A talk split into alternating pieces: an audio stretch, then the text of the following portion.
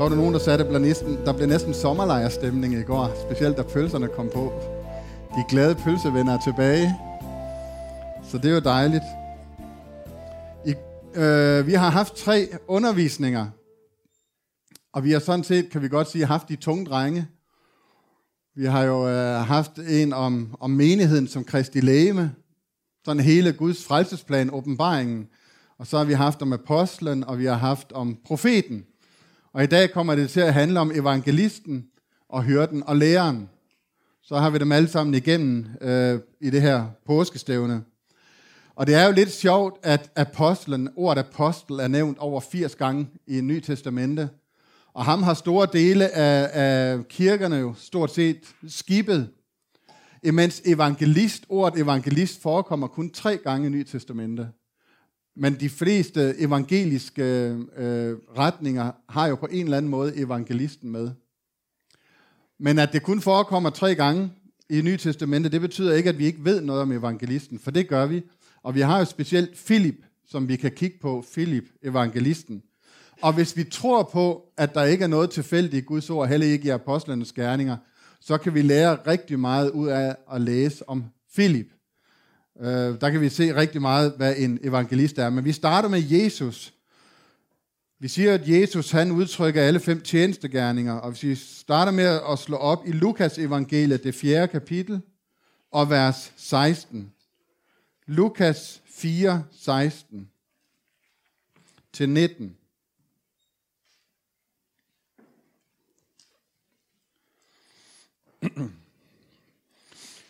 Lukas 4, 16-19.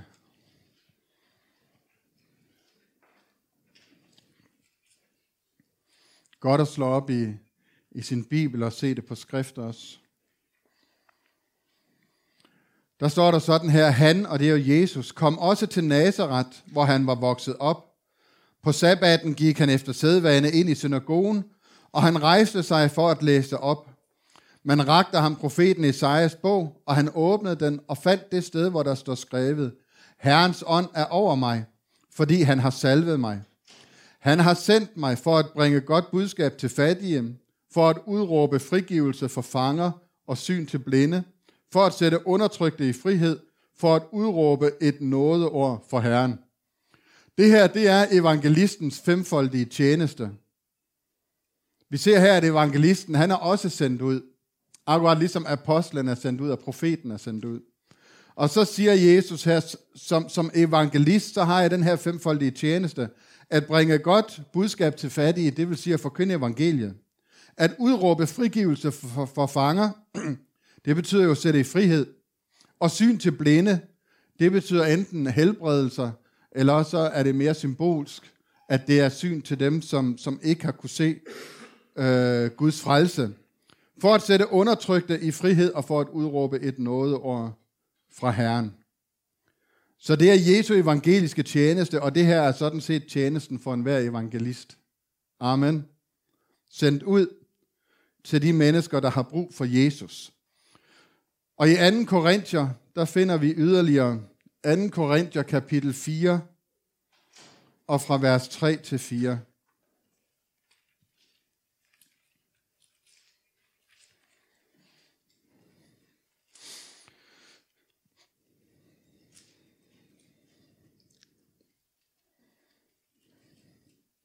2. Korinther 4, 3-4. Og er vort evangelium tilhyllet, er det kun tilhyllet for dem, der fortabes. For dem, der ikke tror. Deres tanker har denne verdens Gud blindet, så de ikke ser lyset, der stråler fra evangeliet om Kristi herlighed, Kristus, som er Guds billede. Så det evangelisten gør, men det som vi alle sammen jo gør, det er at bringe evangeliet om Kristus til mennesker, som er forblindet af denne verdens fyrste, og sætte dem i frihed. Vi læste før fra Lukas om, hvordan Jesus han gik ind i synagogen, og så tog han øh, Esajas-rullen, og så begyndte han at læse op fra Esajas 61. Men hvis vi lige prøver at slå op på Esajas 61, så vil jeg bare lige vise jer, hvor, øh, hvor nøgteren, hvor nøjagtig Jesus var, i det han valgte at læse. Esajas 61, fra vers 1.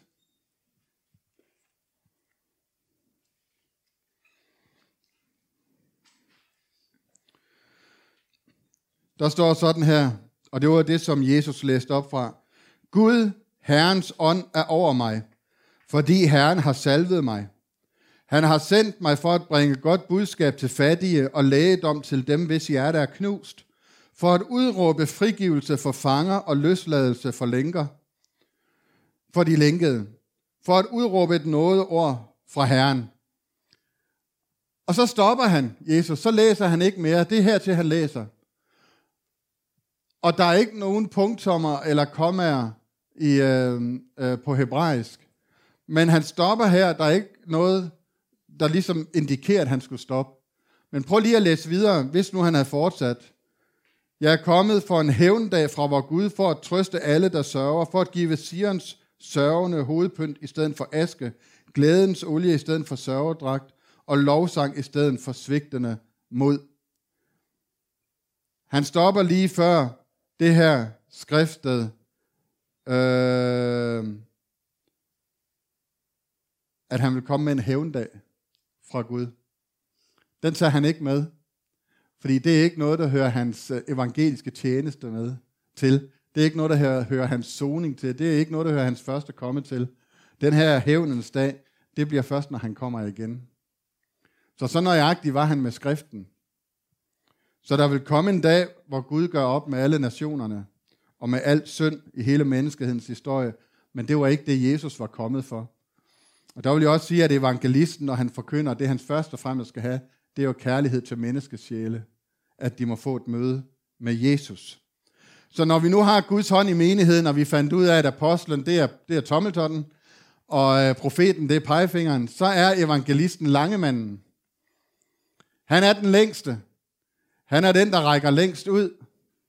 Han er sådan lidt en, en savl. Han er et hoved højere end de andre, på de fleste hænder i hvert fald. Han er den, der holder de store møder. Her kommer der mange mennesker, her sker der helbredelser og store ting. Så man vil gerne ligesom øh, med til hans møder her. Han er den populære. Og han er lige præcis i midten, fordi han har nemlig brug for på den ene side profeten og apostlen, og på den anden side hyrden og læreren. Han har brug for at være omsluttet af de andre tjenester, for at han kan holde sig på plads. Så evangelisten står aldrig alene, og nu vil jeg gerne, hvis børn og sarte sjæle lige lukker øjnene et øjeblik, for jeg vil bare lige meget, meget, meget kort vise, hvad der sker, når evangelisten står alene. Det går simpelthen ikke. Så han skal stå sammen med de andre, ellers så går det galt. Og det ser vi også, når vi kigger bare ud i vores eget land de sidste årtier.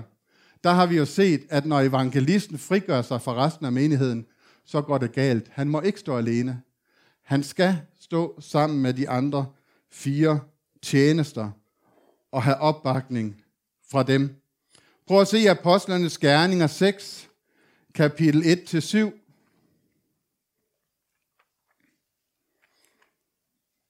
Apostlenes Gerninger, kapitel 6, Og fra vers 1 til 7, her skal vi læse om øh, Stefanus blandt andet, som vi lige har, har sunget om. Det var jo sådan, at i Jerusalem menigheden, der blev der ballade ved borerne. Altså lidt ligesom når vi har spist sammen herinde, at vi øh, øh, kom ind her til møde. Hvis vi ligesom begyndte at skændes over, hvor mange rundstykker vi hver enkelt måtte få, og, øh, og om der nu var nok, så begyndte grækerne og jøderne, de begyndte at skændes ved bordene dernede, og så sagde apostlerne, det kan vi simpelthen ikke have. Og så udvalgte man syv menighedstjenere. Og der står sådan her, dette forslag tilsluttede hele forsamlingen sig, og de valgte Stefanus, ham vi lige har sunget om, en mand fuld af tro og helion, og Filip, det er ham, vi skal høre om i dag, øh, Prokoros, Nikaner, Timon, Parmenas og Nikolaus ikke at forveksle med julemanden, en proselyt fra Antiochia. Dem fremstillede de for apostlerne, som bad og lagde hænderne på dem. Det jeg godt kan lide ved det her, det er, at det her det er menighedens mænd. Det er ikke hvem som helst. Det er, som der står her om Stefanus, en mand fuld af tro og helligånd. Der skete tegner under ved de øh, øh, menighedstjenere her. Det var mænd, der var fyldt af Guds helligånd. Men det var menigheden, der valgte dem. Andre steder, der ser vi jo, at det er tjenesten for eksempel, som, som indsætter ældste. De, øh, de opbygger menigheden, og når de så rejser videre, så sørger de for, at der er nogle gode ledere i menigheden, de indsætter de ældste. Men diakonerne, de er indsat i menigheden. Det er menighedens repræsentanter ind i ledelsen. Det er dem, der taler menighedens sag, hvis, øh, hvis øh, tjenesten kommer på for stor afstand af menigheden, og hvad der egentlig foregår. Så har man nogle gode mennesker, som taler menighedens sag. Og her var Stefanus iblandt, som blev menighedens første martyr, og der var Philip, som også blev udvalgt. Så øh, han var ikke øh, evangelist på det her tidspunkt, det blev han senere, men han tjente ved borgerne som diakon. Og så møder vi Philip igen i Apostlenes Gerninger, kapitel 8. Og når vi læser om Philip her, så er det, at vi kan begynde at se lidt omkring evangelisten. Hvordan er det, han tjener, og hvad er det for regler, som gælder ham? Apostlenes Gerninger, kapitel 8, fra vers 5 til 17. Så han er blevet evangelist i mellemtiden. Så står der, Philip tog ned til byen i Samaria og prædikede for dem om Kristus. Og i folkeskarne var alle som en optaget af det, Philip sagde, når de lyttede til ham og så de tegn, han gjorde. Så som evangelist, der gjorde han også tegn. Det gjorde profeten jo også. Det gjorde apostlen jo også. Der øh, skete helbredelser og mirakler. Så når Filip han forkyndte Guds ord, så skete der også helbredelser og mirakler. Men det, der er vigtigt her, det er det, der står, at de var alle som en optaget af det, Filip sagde. De hørte det, han sagde, og de så tegnene og miraklerne. Men hvad var det, de var optaget af? De var optaget af det, han sagde. Og det er det, der er så vigtigt, det er, at tegnene følger den, der tror. Tegnene følger evangelisten, når han forkynder Guds ord, fordi Gud bekræfter med. Men det er ikke det, der er det vigtige, faktisk. Det vigtige, det er det, Philip siger. Og Philip, han siger, du må blive født på ny. Du må lære Jesus at kende. Han vil forvandle dit liv. Han vil gøre dig til en helt ny skabning. Og den her skare i Samaria var optaget af det rigtige. De var ikke optaget af tegnene, men de var optaget af det, Philip sagde. Hvad var det for et budskab, han havde? Hvad var det for en forunderlig Gud, han forkyndte? Amen. Og det er jo budskabet, det er jo forkyndelsen, det er jo prædikens storskab. Vers 7. For mange af dem, der var besat af urene ånder, dem får de ud af med råb og høje skrig, og mange lamme og halte blev helbredt. Så der skete mange tegn under, og alligevel så var det som om, at det var det her, det her specielle, mærkelige budskab, han havde. Det var det, der fangede dem. Det var det, han sagde. Det var det, han forkyndte. Vers 8. Og der blev stor glæde i den by, men der var i forvejen i byen en mand, der udøvede magi, så folk i Samaria var helt overvældede. Han hed Simon, Simon og gav sig ud for at være noget stort. Det er en fantastisk sætning, er det ikke det? Her er en, der giver sig ud for at være noget stort. Alle små som store var optaget af ham og sagde, han er Guds kraft, den der kaldes den store, Simon den store. De var optaget af ham, fordi han gennem lang tid havde forbløffet dem med sine magiske kunstner. Men da de nu troede Filip, nu sker der en omvæltning i Samaria. Og hvorfor er det, de tror Filip? Jamen det er ikke først og fremmest på grund af tegnene, det er jo det, der står, men han siger noget, som rammer dem i hjerterne. Og da de nu troede Filip, der forkyndte evangeliet, så det er igen, der, der står ikke, da de nu troede Filip, som, som øh, fik de lamme til at gå, og fik de urene ånder til at gå, men da de nu troede Filip, der forkyndte evangeliet, om Guds rige og om Jesu Kristi navn, lod de sig døbe, både drenge og piger. Både mænd og kvinder, undskyld. Både mænd og kvinder. Så de lod sig døbe, fordi Filip forkyndte evangeliet. Og det, der er specielt her, det er, at Filip, når han forkyndte evangeliet, så siger han ikke bare, jamen du skal også tro på, der er mere imellem himmel og jord, og, og, og Gud findes også et sted. Men i hans forkyndelse, der var selv dåben med. Så når han var færdig med at forkynde Kristus, så sagde de alle sammen, vi vil gerne døbes. Fordi dåben var med i evangeliet. Vers 13. Ja, også Simon selv kom til tro, og da han var blevet døbt, holdt han sig hele tiden til Filip, og var forbløffet over de tegn og mægtige gerninger, han så. Så der var en lille forskel på troldmanden Simon, og så på resten i Samaria. Det var det, han var forbløffet over. Det var tegnene og miraklerne. Det var det, han ligesom fokuserede på. Det var det, der var stort for ham. Fordi han havde jo gjort nogle magiske kunstnere, eller måske var det bare tryllekunstnere. Og her der så han rigtige tegn og mirakler. Så mens alle andre var optaget af evangeliets forkyndelse, så var han optaget af de mægtige gerninger. Han så, vers 14, da apostlerne i Jerusalem hørte, at Samaria havde taget mod Guds ord, sendte de Peter og Johannes ned til dem. Da de kom derned, bad de for dem om, at de måtte få heligånden. For den var endnu ikke kommet over nogen af dem. De var kun blevet døbt i Herren Jesu navn. De lagde hænderne på den, og de fik heligånden. Så det vigtige her, det er, at Filip som evangelist her til Samaria forkynder Guds ord. Mennesker bliver frelst, og han døber dem i vand. Og da apostlene i, me, i, øh, i menigheden i Jerusalem hører det, så tager de der op, fordi de skal også døbes med den hellige ånd. Og her, der ligger der, der ligger der en hemmelighed. Jeg tror alle, jeg tror vi alle, det, det ved vi jo af erfaring, kan være med til at, at bede til, at mennesker må blive, må blive døbt med den hellige ånd. Men det her med den hellige ånd, og det her med nådegaver og frugt, det er noget, der hører til i menigheden. Og Filip, han blandede sig ikke i det. Filip, han forkyndte evangeliet, og når de tog imod Jesus, så døbte han dem i vand. Da de skulle døbes med den hellige ånd, så overlod han dem til apostlerne i Jerusalem. Han overlod dem til menigheden. Og apostlerne, de kom op og bad for dem, at de måtte blive døbt med den hellige ånd. Amen. Så det ligger der et budskab i, at evangelisten Filip, han danner ikke selv menighed. Han samler dem ikke om sig selv, men han gør det, han er kaldet til.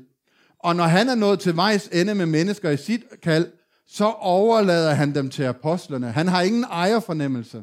Han overlader dem til menigheden, og menigheden fortsætter med at, at bede for dem, at de må blive døbt med den hellige ånd, og går i gang med at oplære dem og danner menighed. Og det, der er vigtigt, det er, at evangelisten, han kan ikke gøre disciple. Han vil tabe dem. Den, der kan gøre disciple, det er selvfølgelig apostlen, og ellers så er det jo læreren, og det er hyrden. Så når evangelisten har forkyndt evangeliet, og de har taget imod Jesus, så giver han dem videre til menigheden, for at de kan blive en del af Kristi lægeme. Det er en god evangelist, der gør det. Det er en evangelist, der ved, hvad hans egen tjeneste er, og hvad de andre tjenester, som han tjener sammen med, hvad de skal dække.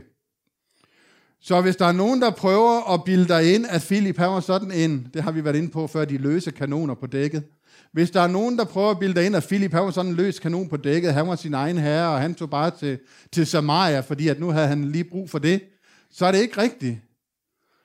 Han var udsendt af menigheden til Samaria. Og da han havde færdiggjort sin tjeneste i Samaria, så overlod han høsten til menigheden, for at de kunne blive en del af Guds folk, og for at de andre tjenester også kunne få lov til at gøre deres gavn. Så du skal ikke tro, at det er sådan, at Philip han sagde, og jeg, jeg bliver kun diakon, og det er jeg ikke tilfreds med, nu går jeg også ud for mig selv, og det er også lige meget, og, og øh, de gamle, de står bare i vejen for min tjeneste, og jeg kan ikke komme til, og, så nu tager jeg til Samaria, og så samler jeg nogle folk omkring mig selv. Det var slet ikke det, han gjorde. Amen. Det var slet ikke det, han gjorde. Han tjente som en sand evangelist med respekt for de andre tjenesters virke i de mennesker, han førte til Jesus.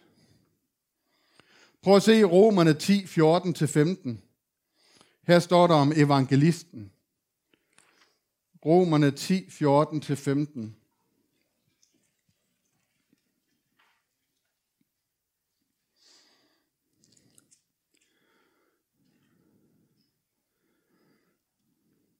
Romerne 10, 14-15 om evangelisten. Men hvordan skal de påkalde ham, som de ikke er kommet til tro på? Det er mennesker, der ikke har hørt evangeliet. Hvordan skal de påkalde ham, som de ikke er kommet til tro på? Hvordan skal de tro på ham, som de ikke har hørt om? Hvordan skal de høre, uden at nogen prædiker? Og hvordan skal nogen prædike, uden at være udsendt? Og så kommer evangelistens øh, ord, som der står skrevet, hvor herligt lyder fodtrinene af dem, der bringer godt budskab. Og det her godt budskab, det er det samme som det gode evangelium. Hvor herligt er lyden af fodtrinene af dem, der bringer godt budskab. Så når du har mennesker, som ikke kender Jesus, hvordan skal de komme til at tro på Jesus, hvis øh, de aldrig har hørt om ham? Hvordan skal de komme til at høre om ham, hvis der aldrig er nogen, der prædiker for dem? Og så kommer det. Hvordan skal nogen prædike for dem, hvis de aldrig er nogen, der er blevet udsendt? Så du kan være sikker på, at Philip han var udsendt. Ligesom enhver evangelist, der står på Bibels grund med en menighedsåbenbaring. Han er udsendt af tjenerne i menigheden.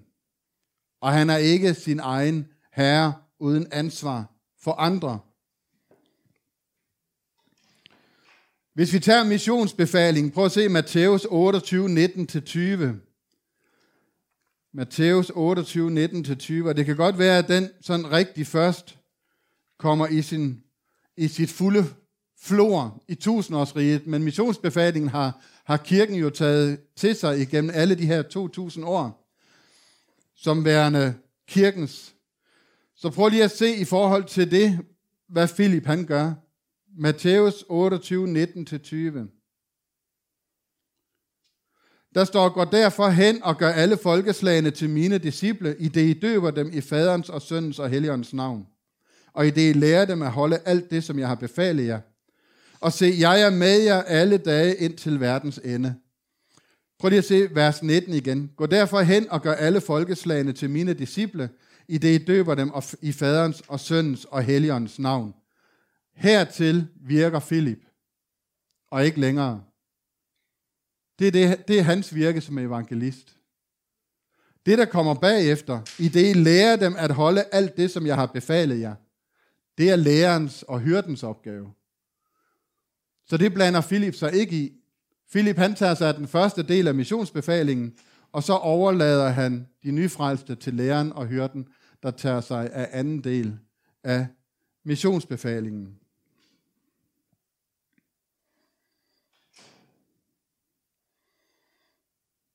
Prøv at se i Apostlenes Gerninger, kapitel 8.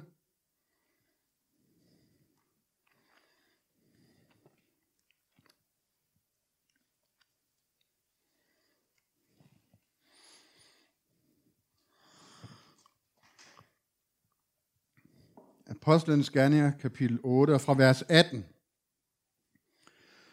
Men da Simon så, at ånden blev givet ved apostlenes håndspålæggelse, kom han med penge til dem og sagde, giv også mig den magt, at den jeg lægger hænderne på, får heligånden. Han var ikke optaget af Philips ord, han var optaget af alle miraklerne. Af en eller anden grund, da han så heligåndsdåben, så glemte han alt om miraklerne. Så sagde han, det vil jeg også kunne. Jeg vil også kunne lægge hænder på, på mennesker, så de får heligåndsdåben. Og for mig må det jo betyde, at han, han har set lamme, der gik, og døve, der hørte, og blinde, der fik synet igen. Og da han så så mennesker, de fik den hellige ånd, så var det et endnu større mirakel for ham, end alle de andre ting. Så stort, så han siger til disciplene, det der vil jeg også godt kunne have nogle penge, kan I give mig den evne, så jeg også ligesom kan lægge hænder os på, og så får de helligåndsdåben. Og det fortæller mig, at dåben i den hellige ånd, det, det må være noget alvorligt og noget stort noget. Det må det jo være, når Simon Trollmann han ser sådan her på det. Peter svarede ham i vers 20, Giv dit sølv må forgå, og du selv med, når du tror, at du kan købe Guds gave for penge. Du har hverken lod eller del i denne sag, for dit hjerte er ikke oprigtigt for Gud. Omvend dig derfor fra din ondskab og bed Herren om, at du må få tilgivelse for det, dit hjerte pynser på. For jeg ser, at du er fuld af gift og galle og lænket til i uretfærdighed. Men Simon svarede ham, gå i forbøn for mig hos Herren, så der ikke skal ske mig noget af det, I har sagt. Så det var sådan, det endte med Simon Trollmann. Og hvis vi læser videre fra vers 26, så er vi tilbage ved vores øh, evangelist, Philip. Og der står videre om ham sådan her. Herrens engel talte til Filip og sagde, bryd op og gå sydpå af den vej, der går fra Jerusalem til Gaza, den er øde. Og jeg synes, det var helt fantastisk, at Filip, han står midt i en kæmpe vækkelse. Det er hans budskab, der har lagt masser af mennesker til menigheden. De kommer for at lytte til evangeliet. Og i stedet for ligesom at høste af det, så forlader han det hele. Men jo ikke til dem selv, vel? Apostlerne er der.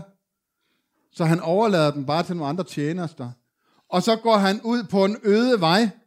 Han skaber ikke den her menighed omkring sig, men han overlod, og han går ud på en øde vej.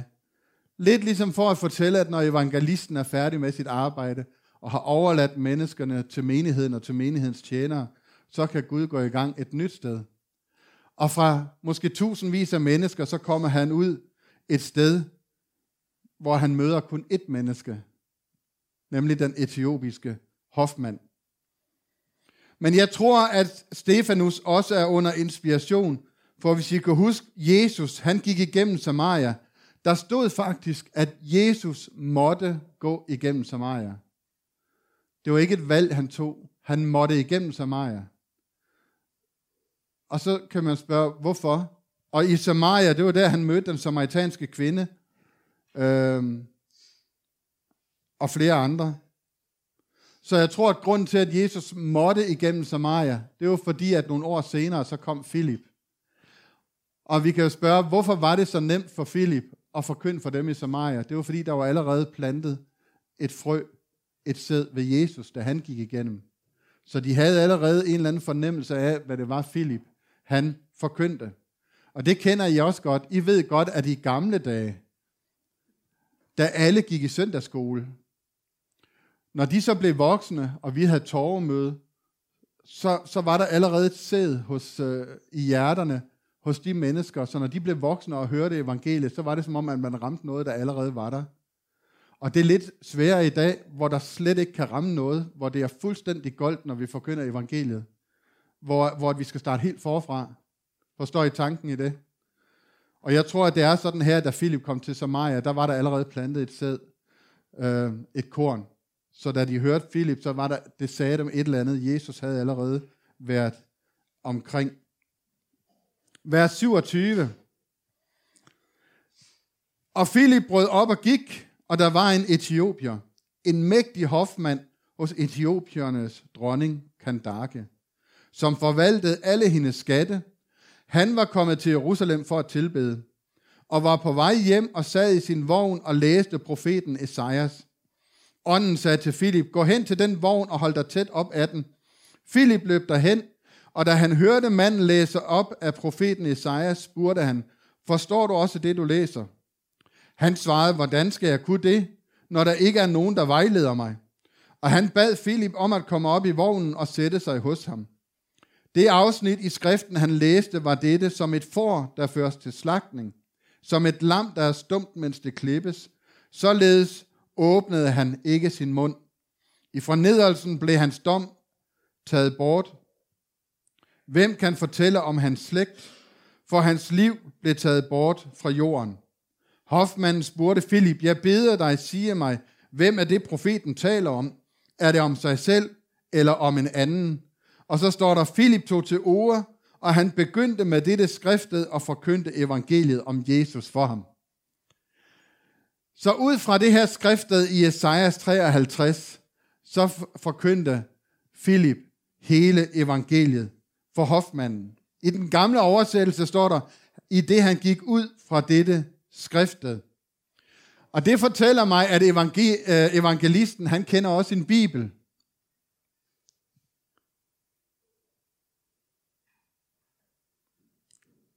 Evangelisten kender også sin bibel. Ja. Det er nemlig rigtigt. Han er ikke sådan en light udgave af forkynderne. Det er ikke sådan, at hvis man ikke er så god til at læse, eller hvis man aldrig sådan rigtig har fået læst Bibelen, så kan man blive evangelist. Det er jo ikke sådan, vel? Philip, han kendte sin Bibel. Han kendte Esajas 53 i en tid, hvor man ikke havde sin egen bibel. Og ud fra Esajas 53, der kunne han fortælle om Jesus som Guds lam. Mens de nu kørte hen ad vejen, kom de til noget vand, og hofmanden sagde, se der vand, hvad er der til hinder for, at jeg bliver døbt? Og igen så er der dåb med i Philips øh, evangelium. Jeg synes, at det er helt fantastisk, for hvis du læser Isaias 53, så står der ikke noget om dåb.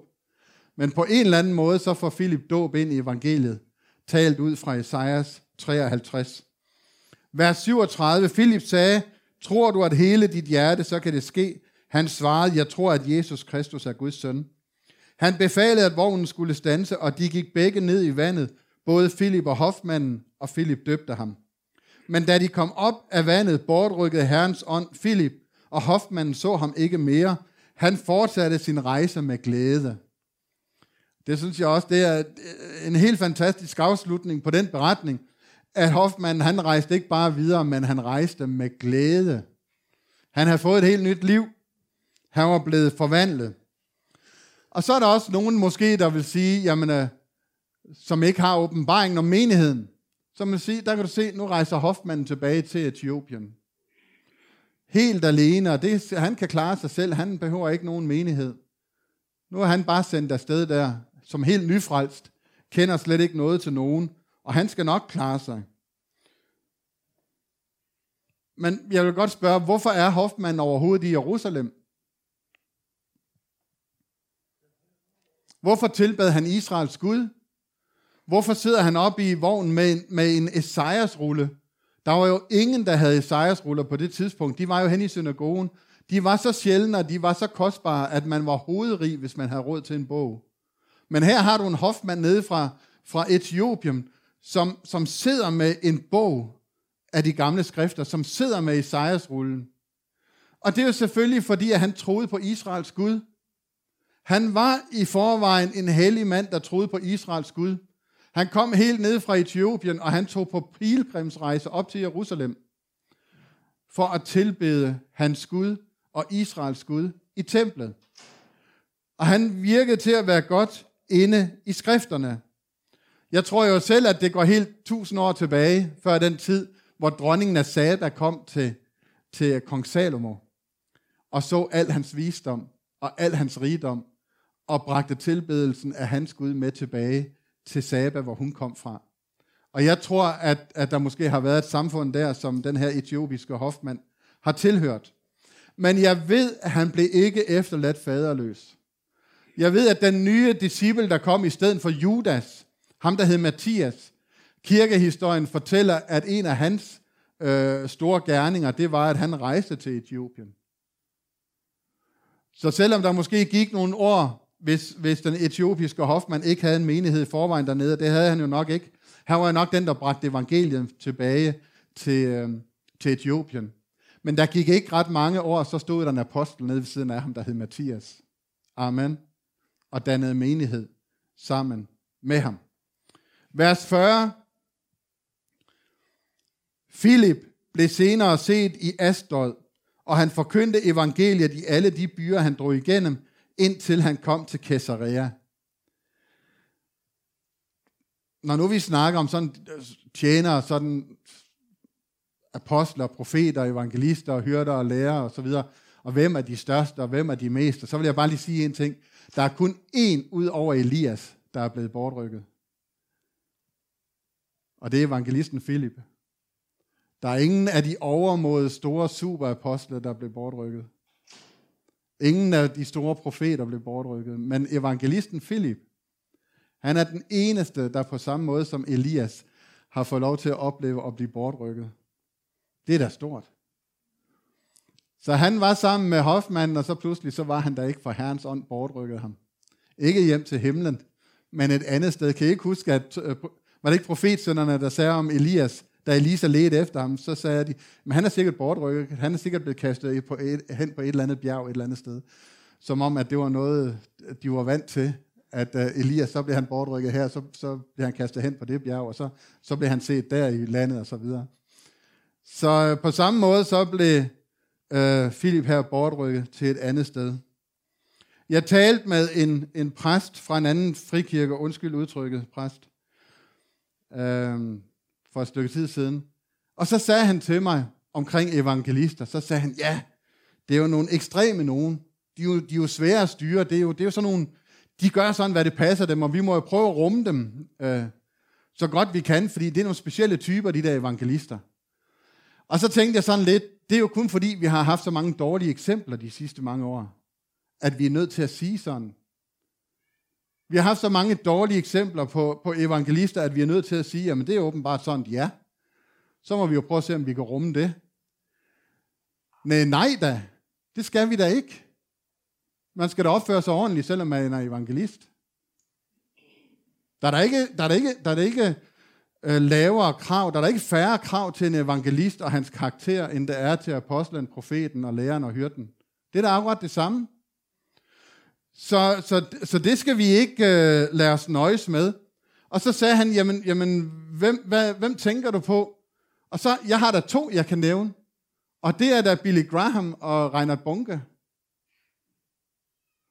De har måske nok gjort nogle fejl i deres liv, men de har der begge to en karakter, hvor jeg, hvor jeg vil sige, at hvis du vil være evangelist, så er det da der, du skal stræbe efter. Det er da ikke alle de ekstreme og alle de der, der, der gør mærkelige ting. Det, øh, kig på Billy Graham, som en af, af Guds evangelister. Se på hans karakter, se på hans livsførsel, hør på hans forkyndelse. Se på Reinhard Bunke. To gode evangelister for Herren. Så vi har da eksemplerne. Så hvorfor skal vi sigte lavere end det? Hvorfor skal vi sigte lavere end Philip? Hvorfor skal vi sigte lavere end Billy Graham og Reinhard Bunke? En evangelist må på samme måde som en hver anden tjener også have en karakterdannelse. Ikke kun de store tegn under. Ikke kun de store møder og de mange, som kommer, men også en opbyggelse af sin egen karakter. Amen. Så man vandrer evangeliet værdigt.